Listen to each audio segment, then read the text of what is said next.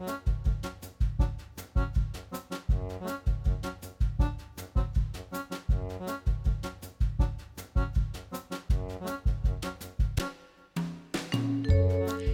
og sæl og velkomin í mannlega þáttin. Í dag er miðvíkudagurs og það er komin 11. oktober.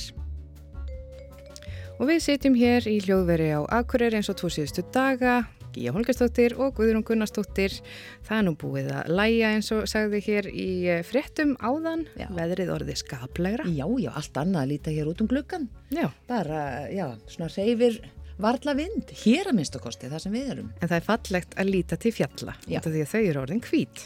Þau eru orðin hvít og uh, svo sér maður svona svona hvert morgun hvernig það snjóar alltaf neðar og neðar í hlýðarnar þannig að þetta er bara þessi ástími 11. oktober, svona já. er þetta bara Veturinn er að koma, já. þetta er bara svo leiðis En uh, í gegnum tíðina á þessum degi, árið 1975 þá var fyrsti þátturinn að Saturday Night Live hann fór í loftið hjá NBC sjóastöðin í bandaríkunum Og Fidel Castro helt ræðu á allsherjarþingi saminuðu þjóðana í fyrsta skipti í 19 ár árið 1979 og 1986 þá var leðtugafundurinn í höfða á þessum degi. Ronald Reagan og Mikael Gorbachev hittust í Reykjavík og rættu þá um fækkun kjarnorku vopna. Frægur fundur. Já, mjög svo. E, fyrsta konan var Kosin Fossiti Saminas Alþingis og það var Guðrún Helgadóttir og þetta gerðist á þessum degi 1988. Svo var það árið 1991 að Íslenska landslið í Brits sigraði á heimsmestaramóti í Japan þar sem tákn Sigursins var einn fræga Bermuda skál og það hefði nú verið frægir blandarar sagt um þessa Bermuda skál. Akkurat. Og svo er það fært í sögubækur að KR eh, TV, eða TV sjónvarp, KR sjónvarpi hóf útsendingar. Leifum því að fylgja með hérna. Eila meira svona fyrir Gunnar kannski. Ætli það ekki, árið 2007 og svo er það 2008 uh, í bankarhruninu að fyrstu mótmælin í bús áhaldarbyltingunni fóru fram á Östuvelli á þessum degi, 11. oktober. Já. Nú að efni þáttarins í dag, Kristjana Argrímsdóttir, söngkona og tónlistakona sem búsett er í Svarvaðardalnum, e, hefur sendt frá sér glænian geisladisk og það telst nú bara til tíðinda að það komi út geisladiskur í dag, því miður er þetta bara orðið þannig. En já, þessi geisladiskur er með tíu frumsömdum lögum flest samin við ljóð skáldkvenna og uh, við hittum Kristjánu á kaffihúsi í miðbænum hér á Akureyri og spjöllum við hann um tónlistina og heima og geima. Við fáum líka postkort frá Magnúsi R. Einarsinni og hann kemur víða við í postkortinu að þessu sinni. Hann byrjar á að tala um veðrið og veðra metin í eigum Því næst talar hann um samgöngur og leggur leið sína allaveg til Sviss en þar þykja nú samgöngur til fyrirmyndar. Og svo liggur leiðin til Svalbarða en þar hefur stríði í Úkrænu haft versnandi áhrif á sambúð rúsa og norðmanna. Rúsa reyka þar kólanámu og eru farnir að sína norskum yfirvöldum hróka og vannvirðingu. Já, alls konar viðfangsefni og áfangastæðir í postkorti dagsins í dag. Já. En við byrjum með hljómsveit Ingimas Eidal, e, Þorvaldur Haldarsson syngur hér. Þetta er ellendlag, Ómar Ragnarsson samt í textan og þetta er lagið Á sjó. Á sjó Á sjó, Á sjó. þeir sóttu fyrr og sigðum hafinn blá. Þeir eru fræknir fiskimenn og fást við úr sjá. Milli hafnum heiminn þeir halda sína leið. Á sjó, á sjó þeir sækja henn á syklum höfum breið Brækni sjóminn fyrrum komað frjálsvi Íslands drönd Þeir hérðan sigðum höfum djúb og herjuðu ókun lönd. En síðan margir sækar bar til hafa landi frá Bátar vilja borist hafa bylgjum sjávar á, á sjó. Á sjó. Þeir sóttu fyrr og sigðum höfinn blá. Þeir eru fræknir fiskimenn og fást við úr sjá. Milli hafnum heimið þeir halda sína leið. Á sjó. Á sjó. Þeir sækja en að syklum höfinn breið. Þeir staðið hafi stormi og stórsjó dag og nóg. móti bylgjum frost og panna fast þeir hafa sól. Er skipið östlar öldurnar þá olgar þeirra blóð. Þeir eru sannir sjómenn til sóma okkar þjóð á sjó. Þeir sóttu fyrir og sildum hafinn blá. Þeir eru fræknir fiskimenn og fast við úr sjá. Milli hafnum heimil þeir halda sína leið. Á sjó, á sjó þeir sækja en á syklum höfum breið. Þeir síðan farum sjá að leið og sykla varðing heim. Fiskinn góða fær á land við fagnum öllum þeir Þeir lifa djart á land og sjó í leik og hverri þraug Þeir eru hafsins hetjur, þeim heiður falli skaut á sjó. Þeir sóttu fyrr og sildum höfum blá. Þeir eru fræknir fiskimenn og fast við úin sjá. Milli hafnum heimil þeir halda sína leið á sjó. Þeir sækja enn á syklum höfum breið á sjó. Þeir sækja enn á syklum höfum breið á sjó. Á sjó. Já, það var hljómsveit Ingimars Eidal sem flutti hér lægið á sjó og það er Þorvaldur Haldorsson sem að söng þarna. Lægið er Erlend en Ómar Ragnarsson á tekstan. En uh, þá skiptum við yfir til Guðrúnar sem er komið með góðan gest til sín á kaffihúsi hér í miðbænum á Akureyri. Já, við erum komin á bláu könnuna og uh, þetta er nú kaffihús sem flestir landsmenn uh, sem hafa komið oftar en einu sinni til Akureyrar kannast við. Það er hér í göngugötunni. Kristján Arngríms uh, situr hérna hjá mér og uh, við ætlum að ræða við hana næstu mínúturnar. Hún er söngkona, tónlistarkona og er nýbúin að gefa út hennan geisladisk sem heitir Ég hitti þig og það telst nú til tíðinda þegar bara geisladiskur kemur út, það er nú bara því miður ekki nógu oft og Kristjana, þú semur þetta allt saman sjálf, öll lögin. Já, ég gera það. Þetta er eh, sem sagt 50 hljómdiskurinn minn og hann er ólíkur hinnum að því leitinu til að ég sem öll lögin sjálf. Þetta eru tíu lög við ljóð um, íslenskara kvenna aðalega en Davíð Stefansson hann fær að fylgja með. já. Norðanskáldið. Norðanskáldið, já. já. Og af hverju valdur ljóð þessara kvenna?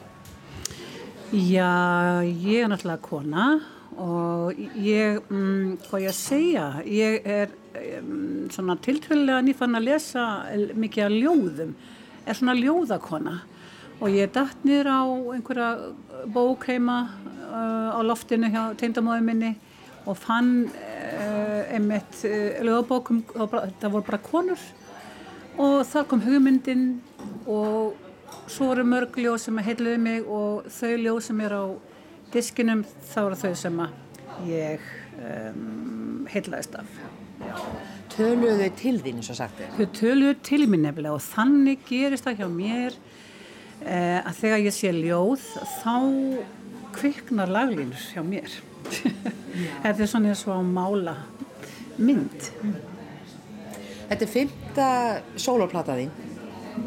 Já, þetta er fymta soloplata mín og hún er unnin á fimm árum. Þú veist, COVID er komið inn í og allt það og ég ætlaði að vera búin að gera hana fyrr. En um, eins og ég gerði hérna plötuna mínar, þar voru unnar á einni helgi og svoni minn Örn Eldjátt sem er uh, útsettur öll lögin er svona tónlistastjóri plötunar. Þannig sagði ég bara, nei mamma mín, við skulum gera þetta öðruvísi. Og ég er honum svo þakklátt og ég hlustaði á hann. Ég hlustaði alltaf á hann. og við vinnum vel saman, ég og Örn. Já. Já. Hvaða stúdíu fóruð þið? Já, þetta er góð spurning. eh, það var bæði heima í kjallaranum á tjörn.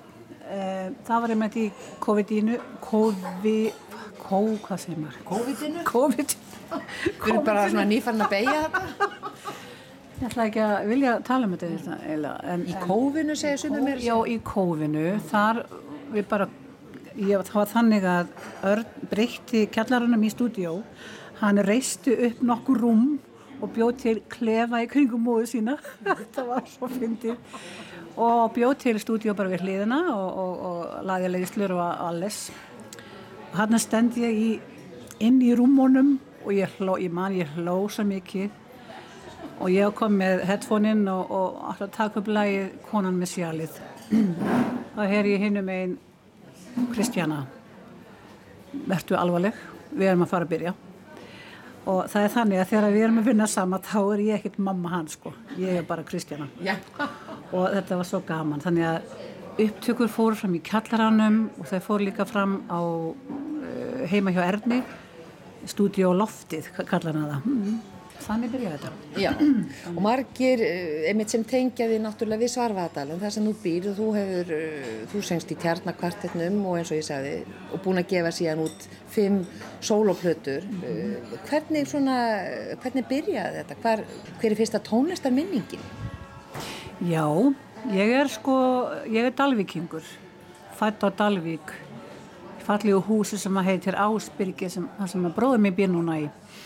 Ásbyrgi var bara ósalega falleg, fallet heimili og gott að uh, alast upp þar og pappi minn var söngmaður mikill, söng í Karlakóð Dalvíkur, hann var í kirkjukórnum, hann hafði fallega rödd, bassi og, hann, og ég man auðvitað uh, eftir orgelinu þar sem hann tók oft æfingar, hann var að æfa sig að syngja og oft á uh, sunnundasmórnum þegar messan var.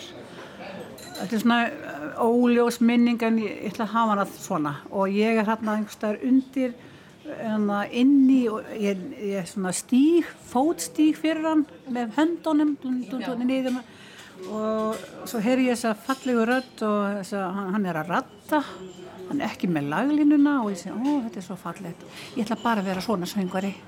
Hugsaði með mér. Þannig að rattaði söngur hann höfðaði fljótt til ungu stúlkunar og svona kórsöngur og, og, og þannig og alls konar. Já, já, já. Og hvað í framhaldinu, fórstu þá í kór eða? já. svo eldist ég og, og ég fór, tók þátt í leikulega Dalvíku mikið og var að kom þar fram og svo fór ég í kór á Dalvík. Held ég að vera 16 ára gömul og beint í ekki alltinn heldur sóbrann þá var ég alltaf svo ung og með háarödd og en fljótlega fór ég í alltinn þar sem ég fílaði mig betur.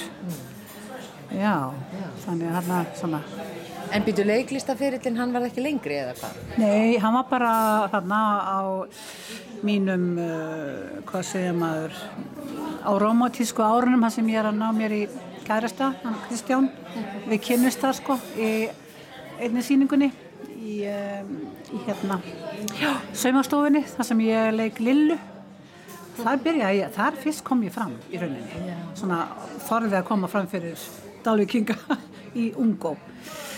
Þar söng ég Lillusöng og ég man að kennararnir mínir komu með tári í augunum bakfið og, og ég svolítið, það hlakkaði svolítið í mér að hafa grætt á kennararna mína.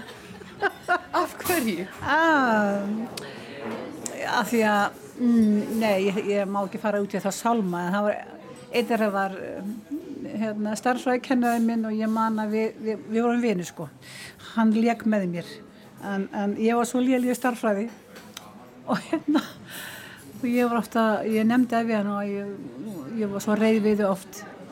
Og hann sagði fyrirgeðu en þú syngur svo fallega og þú grættir mig. Já það er bara gott elskan. Sagði ég. En við erum alveg æðisleifinir þetta var út út úr. Já, en skemmtilegu samt Gaman áður. að. Þarna byrjaði ég eh, svona að koma fram. Og síðan auðvitað með manninu mínum Kristjáni þegar hann var trúbador og í öllum partíum voru við að syngja og tralla. Og að, þú flytur bara síðan á tjörn.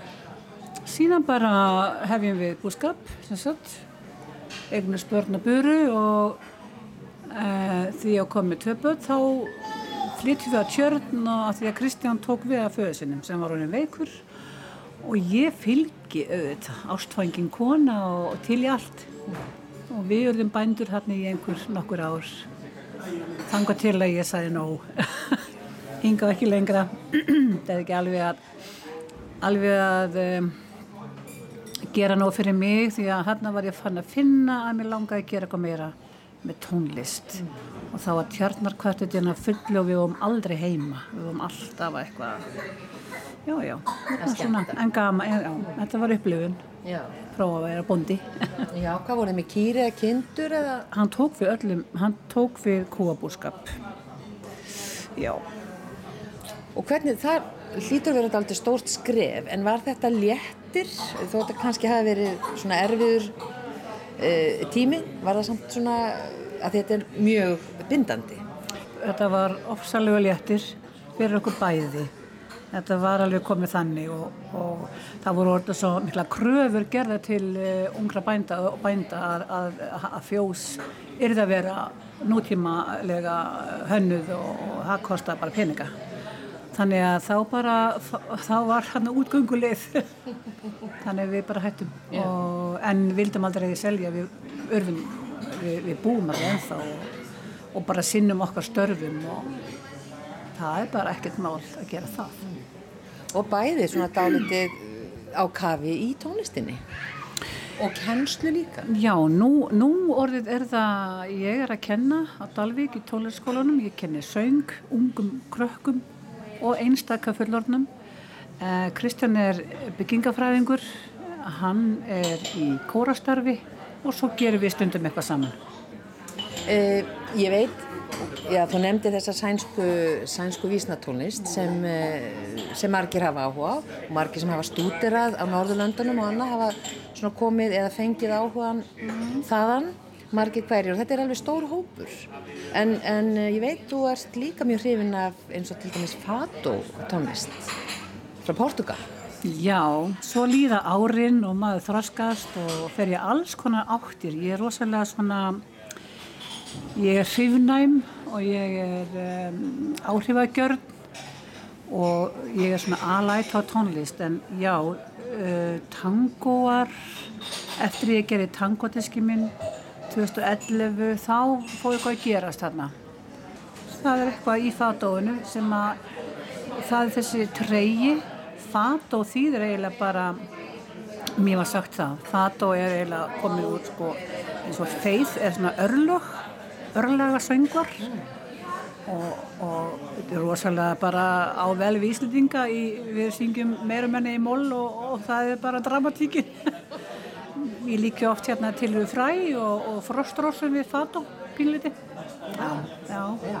Aðtiklisverð Við ætlum að heyra lag af plötunniðinni sem heitir Mánin. Eitthvað sem þú vilt segja okkur um það? Nei, mér, þetta er Harla Eyjólfsdóttir samtið þetta lag, Næljóð og hún var mikil vinkona Sigvalda Kaldalóns samtið mikið fyrir hann, nú ætla ég að semja fyrir hana. Ég ákvaði að semja fyrir höllu lag.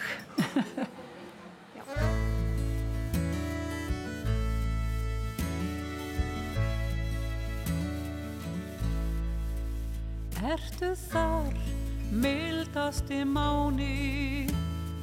Manstu að þráinn mín er heit til þín úti og inni. Allstaðar hvar sem ég fer.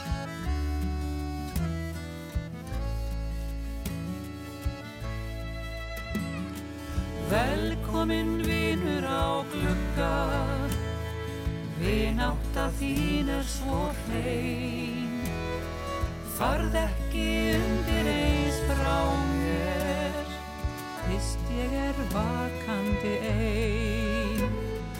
Nú þegar sólinn er sopnuð síinn í úthafsins skaut engin veit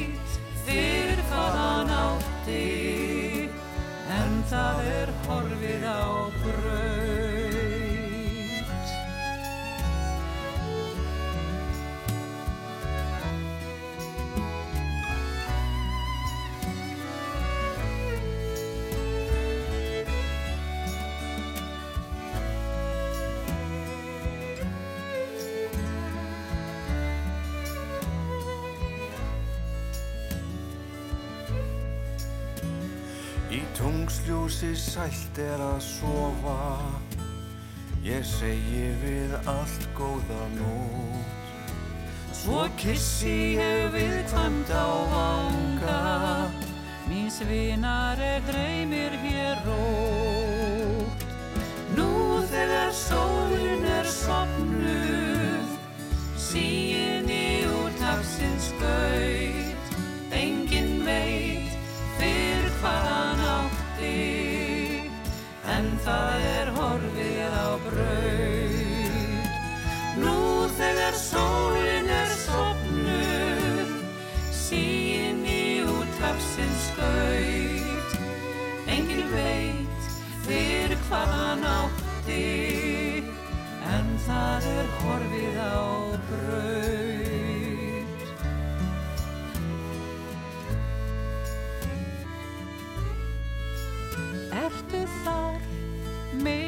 mildasti máni, manstu að þráinn mín er, hei til þín úti og inni, allstaðar hvar sem ég fer.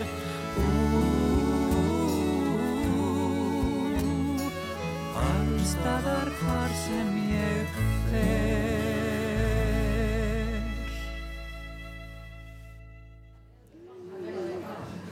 Já, þetta lag heitir Mánin, það er eftir hana Kristjánu Argrímsdóttur, söngkonu og tónlistakonu og er að þessari glænu plötu eða disk sem heitir Ég hitti þig og var að koma út, allt lög eftir Kristjánu og eins og við sögum hérna áðan, við sitjum hér inn á bláu könnunni, þeim uh, þekta og notalega kaffistað hér í göngugötunni á Akureyri.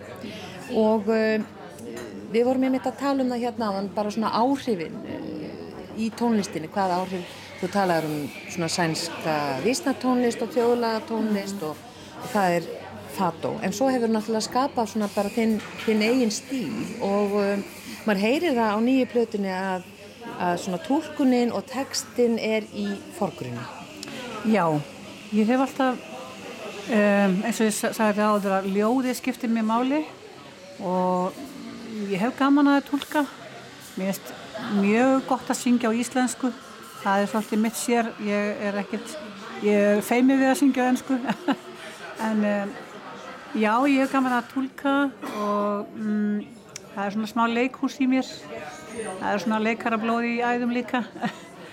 og það er einhver súnálgun og á þess að ég sé að reyna rembast við það, það bara kemur einhvern veginn um, talandi um þess að sænsku áhrif eh, ég líka, ég var svo ég, já, öll, öll þessi lög sem ég hef samið þessi tíu lög hérna á þessari plötu eru þetta undir áhrifum frá mörgum gegnum tíðina.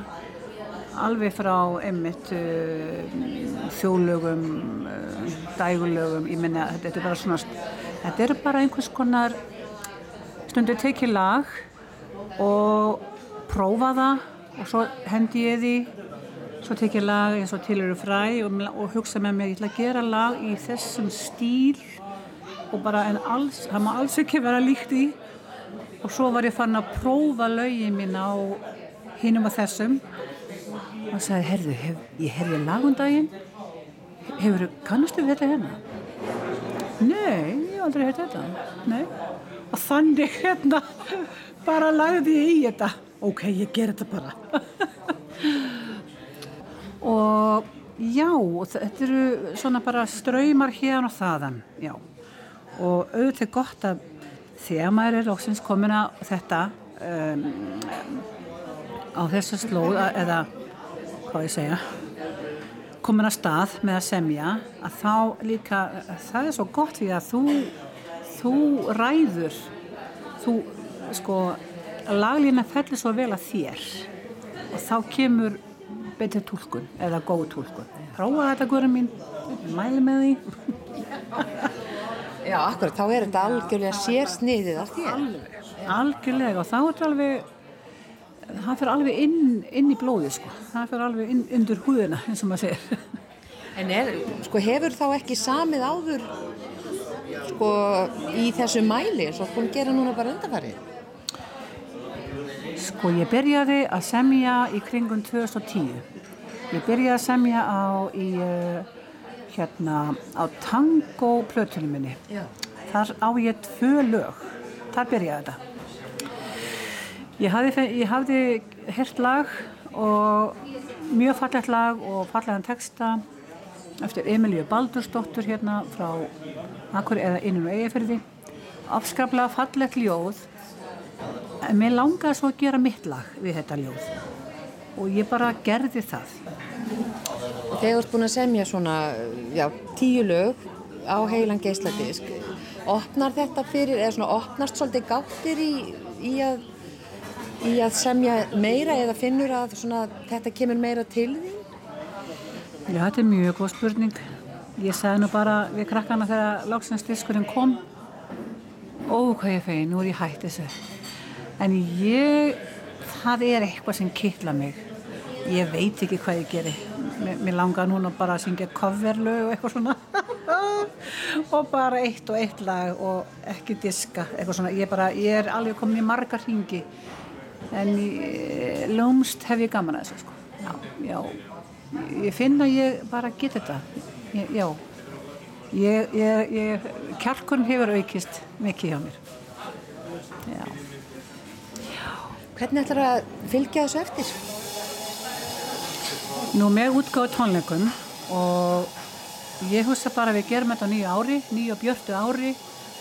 Eh, Ég er með alveg frábæra tónlistamenn með mig, ég hef ekki nefnt þá hérna en, en uh, mér langar að nefna þá en bara eftir. Uh, þeir hafa svo mikið að gera. Örn valdi þetta frábæra tónlistamenn með sér. Meira menna vinir hans og samstarfsmenn og, og svo er Jón Rapsson minn, hann er útgefandinn, hann er náttúrulega bara alveg ómissandi, hann er frábær og þannig að við ætlum að hafa útgáðutónleika vonandi bara eftir áramótin og nýja ári. Þetta verður auðvist mjög fljótlega, bæði Reykjavík og hérna fyrir norðan. Já. Hvernig myndur þú, ja, talandum fyrir norðan, hvernig er svona bara sviðið hér fyrir norðan fyrir, fyrir sjálfstæða söngkonu? Tækifærin eru nú misjöfn. Þú, ég er bara duglega að búa þau til sjálf og ég er náttúrulega, ég syng mikið í jarðaförum. Ég er svona, það er indislegt líka, það er önnu nálgun og, en já, tækifærin eru, hmm, ég bý mér þau til. Það er, það, það gera margir það líka hérna fyrir náttúrulega. Já. Tækifærin eru fleiri fyrir stundan. Aðeins fleiri sem búa Aðeins þar. fleiri, Já, já. Við erum að verða búnar með kaffið í botlunum okkar Kristjana og við eigum eftir að heyra eitt lag en ekki enda á því.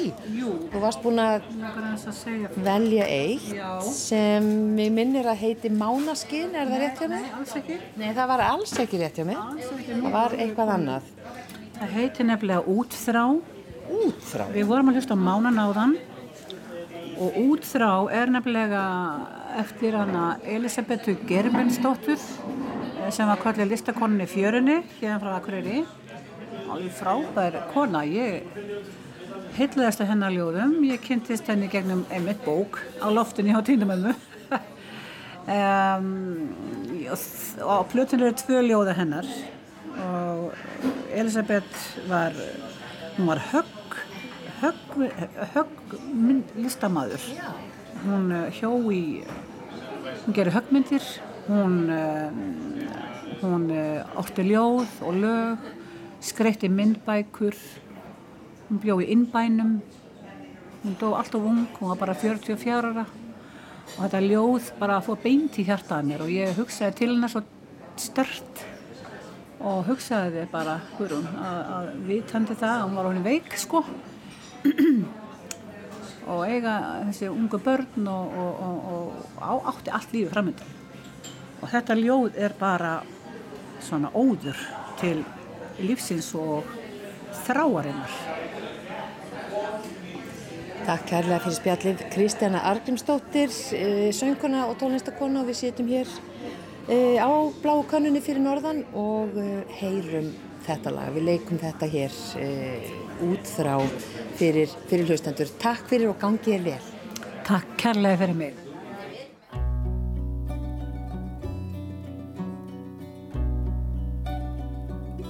Þú við átt að kvika ég vil ekki hika nú verð ég að slíta öll bönd. Sólgeislar loga um ljósbláa voga og leika sér bárur við strönd. Lögurinn tindrar og liftrar og sindrar. Leiða ég hrindi mér frá. Ég finn hvernig blossar í brjóstin og fossar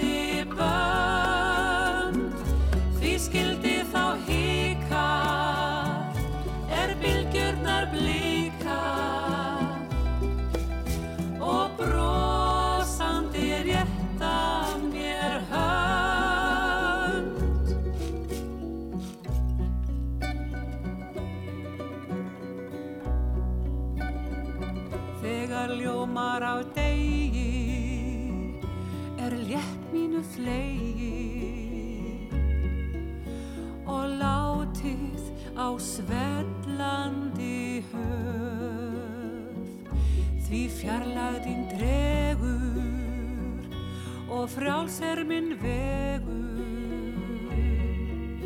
Ég fagna ég þól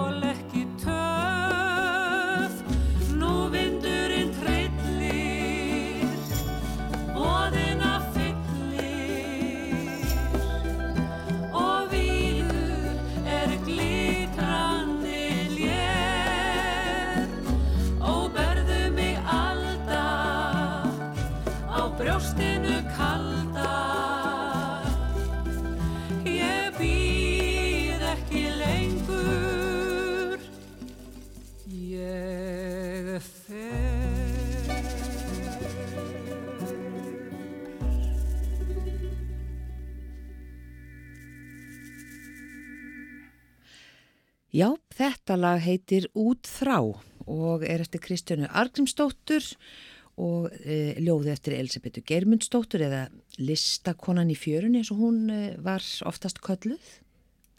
Og þarna sungu með Kristjánu í þessum tveimur lögum sem við hlítum á. E, börnin hennar, Ösp, Björk og Örn Eldjárn.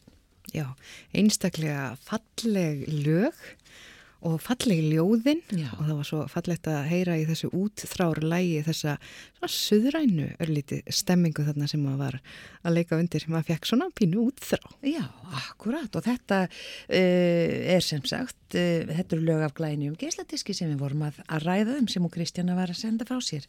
Tíu lög eftir hann við ljóð ímissa skáldkvæna og einni er að finna þarna ljóð eftir Davíð Stef Davíð- Nei, Stefansson Já, Davíð frá Stefánsson Faraskói. Akkurat, uh, hinn eina sanna. En uh, aðtiklisvert líka þessi listakona í fjörunni og nú er ég búin að opna hérna, uh, já, það var sem sagt sett upp síning árið 2015 hér í listasafninu á Akureyri en þá hefði hún eh, Elisabeth Germundsdóttir sem var vist uh, kölluð Beta Geirs. Það var sett upp yfirleitt síning á verkum hennar og á þessari síðu hérna inn á eh, listasafninu þar hefur hún Jenny Karlsdóttir skrifað svona pínu minningar brot um þessa konu sem hún mætti svo ofta á æsku árum sínum í innbænum og hún brosti svo fallega. En mamma hennar eh, Jenny er hún yðun, hún var skólasistir eh, já, Já, þetta er áhugavert Já, endilega farið inn á síðuna hjá, hjá listasafninu og, og lesið þetta yfir ef þið hafi áhuga á að vita meira. Já, þetta er Um greinilega hana. ótrúlega merkileg kona þessi, þessi listakona í fjörinni. En næsti mál á dagskrá hér í mannlega þættinum, það er postkortið frá honum uh, Magnúsi. Heil og sæl. Nú leggjast að okkur haustlæðirnar og hér á vindasamasta svæðinu við Íslandstrendur fer mannskapurinn ekki nú var hluta af því. Nú er til að mynda búið að vera rók hér í Vestmannum fjóra daga í rauð og þetta er bara byrjunin á því sem á eftir að koma í vettur. Loftþrýstingurinn lækkar og það verður meiri fart í lægðunum þegar þær koma úr hafsvæðinu suðvestan við Ísland, svæði sem eh, veðufarsfræðingar kalla Íslands lægðina. Þar er loftþrýstingur lægstur að meðaltali á norður hveli jarðar og þaðan kemur útsinningurinn sem veldur á stundum dýrðar tíð fyrir austan og norðan en öllu lagara tíðar fari hér síðra og vestra. Stórhafði í Vestmanniðum á nokkur merkileg með á heimsvísu í veðurmælingum. Nánast Evrópumeistari í róki og rigningu að sjálfsögðu en á líka með í lofttrýstingi. Annan desember 1929 mæltist þar lægst í loftþrýstingur sem hefur mælst einmitt á norðurkveli jarðar utan hitabeltisins. Þessi staðreind finnst erlendu ferðamannu merkileg og sömulegis svo að á stórhefða mælist og loknað meðaltali aðeins fjóra daga á ári. Við hinn þólum þetta veðurfar og þessa vetra næstum þegjandi. Markir kaupa dýrar úlpur og 300 hestafla jeppa til að fara á milli húsa hér í byðalæginu. Nú það rúnda út á Stórhöfða og kringum Helgafell, nýta alla 30 km vegakerfisins í eigum. Eða hreinlega flýja land til Kanari eigunar Tene sem eigamenn segja sé svo siðsta í Vestmanníja klassanum. En núna þegar veður gera skrim þá eikst hættan á að landegja höfn loki vegna ölduhæðar. En þá siglir herjólfur til þólasafnar. Það finnst mér eiginlega betra. Þótt það sparist rúmur hálftíma ferðali í höfustæðin með því að fara gegnum landeigjuhöfn, þá er ég sjaldan að flýta mér svo mikið og vil gætna skipta á tvekja tíma axtri fyrir þrjá tíma til sjós. Ég veit alveg að það eru fæstir ef nokkrir eigamenn mér sammála í þessum öfnum margir óttast sjóveikin og aðrir eru kátir með axtur og tímaspartað. En landægjuhöfn er ekki endanleg lausn á samgöngum vandani sem markar byggðina hér í eigum. Nú er að fara af stað mikilvæg og langtráð að rannsókn til að skera endanlega úrum hvort jarðgöng milli eiga og lands sé, séu raun hefur kostur. Ég er nú þannig gerður að en þá vil ég frekar vera ofanjarðar en neðan, hvað þá neðan sjóvar. Og ég kísi bara stærri og hraðskriðari skip sem getur silt hratt og reglega til þólarsamlar. Það er næstum eins og að nefna snöru í hengsmanns húsi að tala um IBVF akkurat núna, en ég hef bent vinum mínum í eigum á þá staðrind að eftir að göng voru gerð undir kvalfjörð þá hefur skægin tapað miklu oftar en unnið í fótbolta. Ágreiningur um samgöngumál er ekki bundin við eigjar, hann er til staðar út um allt land. Reppa pólitík og hagsmunadeilur eru afar einkennandi fyrir umræðuna sem að tali nú ekki um framkvæmdina. Og þá er oft spurt hvernig fara aðrar þjóðir að þessu. Svislendingar eru til fyrirmyndar um margt og þar á meðal hversu lítil afskipti pólitíkusar hafa af verkefnum hins ofinbera, þar á meðal samgöngumálum. Það er ekkert ráðuneyti, engin ráðherra í Sviss til að stjórna þeim málaflokki, þeim verkefnum. Svissnerka þingið útlutar Astra sem er samgöngustofnun Sviss, útlutar henni fjö úr ríkisjóði, ekki til eins ás heldur til tíu ára í senn. Og aðeins færustu sérfræðingar eru ráðnir til að stýra stofnuninni. Vegakerfi Svisslendinga og stjórnum þess er litið öfundaraugum af öðrum Evrópuþjóðum. Það fer gríðaleg umferðum Sviss sem er umkringt og á landamæri með stærstu þjóðum Evrópu, þjóðverjum, frökkum, ítölum, austríkismönnum og flerum. Sviss er á vegamótum Evrópu og umferðin er tung. En deilurnar þar stand ekki um einstakar framkvæmdir. Þær eru einfallega útkljáðar áður.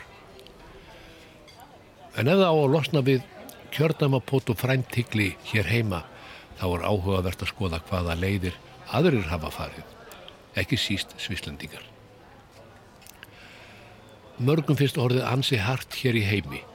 styrjöld í Östur-Evropu, Kína ógnar Tævan daglega, eldfimt ástand í miðausturlöndum, stríð í Palestínu, valdarán í Afríku og svo framvegs og framvegs. En svona hefur nú ástandið meira minna verið í aldarraðir í henni versu og oft verra en nú. Það er nú ekki liðin 200 ár frá því að Evrópa logaði öll í óerðum, byltingum og styrjöldum og ekki liðin 100 ár frá því að stríðinu hræðilega við nazistana laug. Gallin er sá, og hann er ansi stór, að nú eru til rástöfunar geriðinga vopn. Það er til ítalskun málsóttur sem segir Tutto il mondo e paese e ogni paese e mondo sem þýr beinlinis að allur heimurinn er þorp og sérkvært þorp er heimurinn. Meiningin er að við erum öll eins, við fólkið, út um allan heim.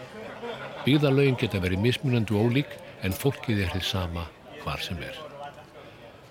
Þorpin eru ólík og fyrir norðan okkur hér í Dumsafi er afar sérkennilegt þorp á Svalbardha. Það heitir Barentsburg og þar búa engungu russar og örfári úkrænumenn, samtals næstum 500 manns.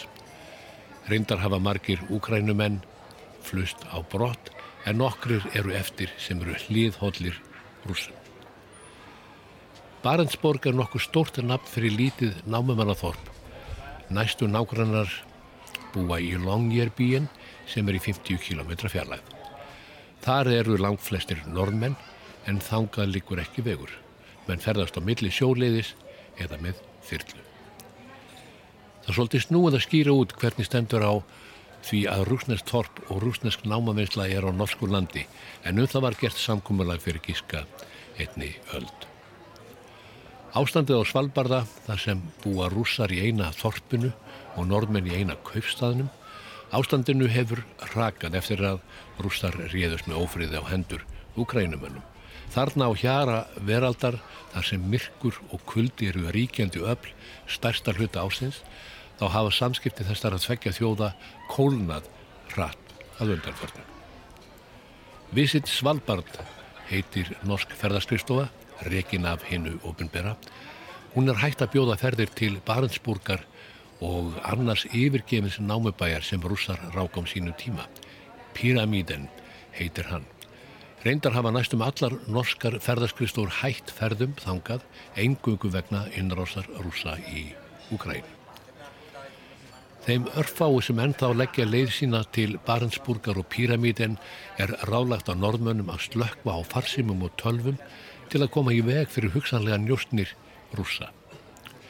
Visit Svalbard ferðarskrifstofan lýsir ferðartjónustin í Barentsburg sem útsendara rúsneska ríkisins. Forstjóri Visit Svalbard segir það ómögulegt að segja hvort og hvenar ástandin muni lagast. Fyrst þarf að komast á friður í Úkrænu, það er ljóst. Ein afleiðing stríðsins í Úkrænu er svo að norðmenn vilja núna auka íbúafjölda sinn á Svalbarda og verja til þess gríðalugu fjö.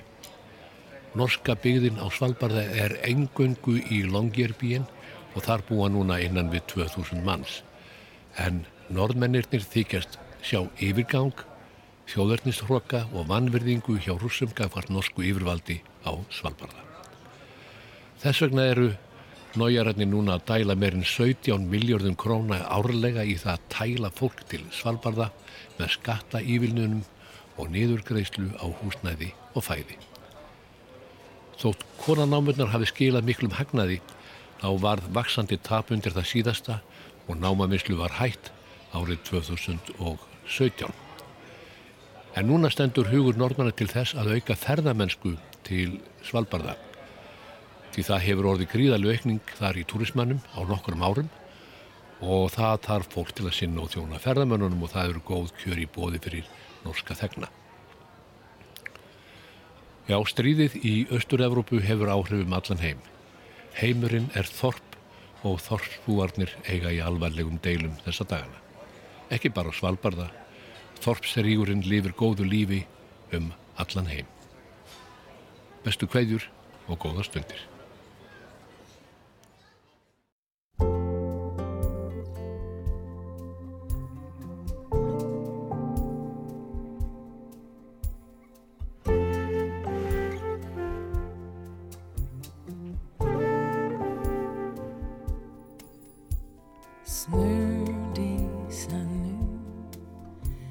se oss her oppe en sønn